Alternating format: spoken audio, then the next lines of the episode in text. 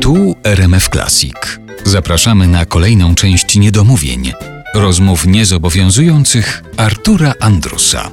Anna Dymna jest dzisiaj gościem naszym w Niedomówieniach w RMF Classic. Gdzieś znalazłem fragment takiej rozmowy, w której ty przyznajesz się do tego, że potrafisz świetnie przeklinać, że wulgaryzmy nie są ci obce i że na przykład w takiej sytuacji się kiedyś znalazłaś w więzieniu, że musiałaś Tak, użyć tak. tych umiejętności.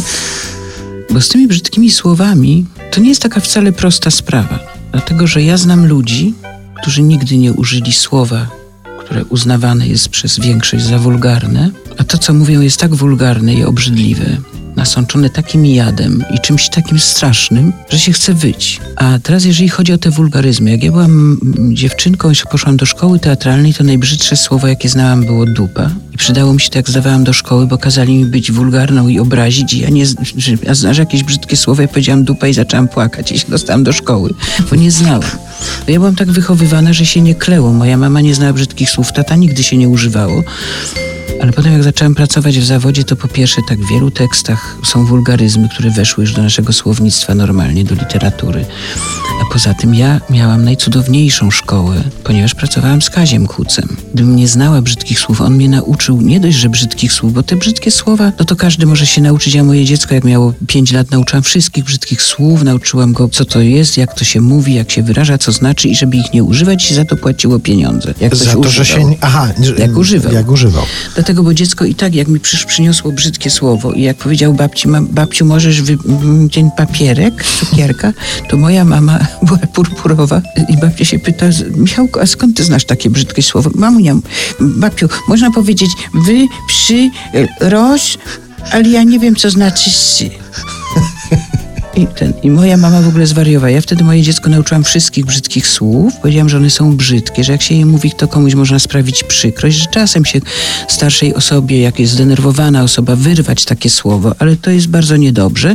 I w domu była taka umowa, że jak ktoś klnie, to płaci. I potem się idzie na lody za to albo na obiad się za co, czy robi jakąś przyjemność. I mieliśmy taką skarbonkę. I to, I to działało. Natomiast ja uczę studentów i nie ukrywam, że używam też takich słów, bo one, jak pamiętam, jak Kuc pracował z nami, to on te słowa podnosił w przestrzeń czystej poezji właściwie.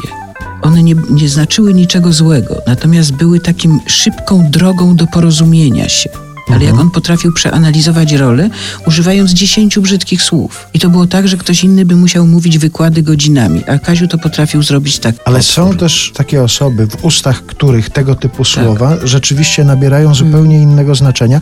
Tak się wspomina, tak się mówi o Kalinie Jędrusi Tak, na przykład, że ona bez tego typu słów To by nie była Kaliną. to by nie była Kaliną Tak, Jędrusi. tak, jest coś takiego. Znaczy ja mam nadzieję, że ja bez tych słów też jestem tym, kim jestem. Ale potrafię. Na przykład jak byłam wtedy w tym więzieniu, to Kazio mi bardzo pomógł, bo ja bym tam umarła ze strachu, bo byłam w więzieniu. Ale to może wyjaśnijmy, Siedziała- że ty tam przyszłaś odwiedzić Tak, ja byłam zaproszona na siedzących. spotkanie z, z ludźmi. To było takie więzienie, gdzie odbywali końce kary tacy wieloletni jacyś przestępcy, czy wiadomo, że mordercy różni i też czekali na wyroki niektórzy.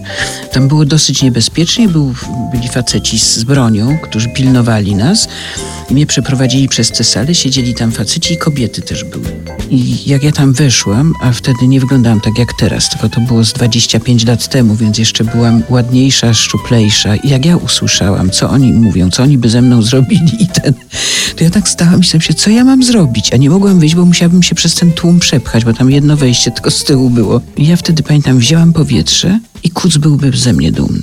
Ja puściłam taką wiązankę, zobaczyłam zdziwienie w ich oczach, a potem taki szacunek nieprawdopodobny i potem spotkanie trwało ze trzy godziny i było cudowne, jedno z moich najcudowniejszych spotkań, gdzie cały czas rozmawialiśmy o dobru, o grzechu, o przestępstwie, o poczuciu winy, i oni mnie prowokowali do tego. Było fantastyczne spotkanie, ale zaczęło się no, od jatki słownej. No, teraz gram takie role, że czasem muszę to umieć robić, nie? Że gram bajerową. Ta małpa gruba tak kleła u Majewskiego w końcu, cudownego, delikatnego, wrażliwego reżysera. I zagrałam w ekscentrykach i super, ale zagrałam w Dniu Babci. To dopiero potwora takiego zagrałam. Ale to były przecież cudowne, dobre kobiety. Bo ja wiem, jakie one były, bo je grałam.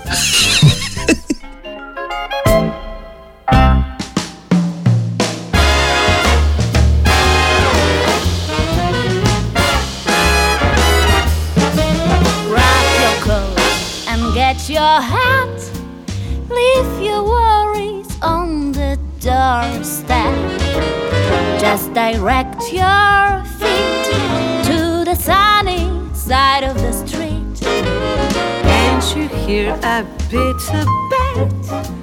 And that happy tune is your step.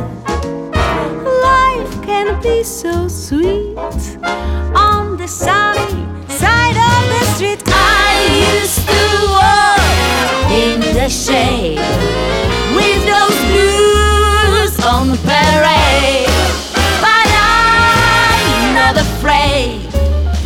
This rover's crossed over. If I never ever have a cent, I'll be rich as Rockefeller. with gold dust at my feet on the sunny side of the street.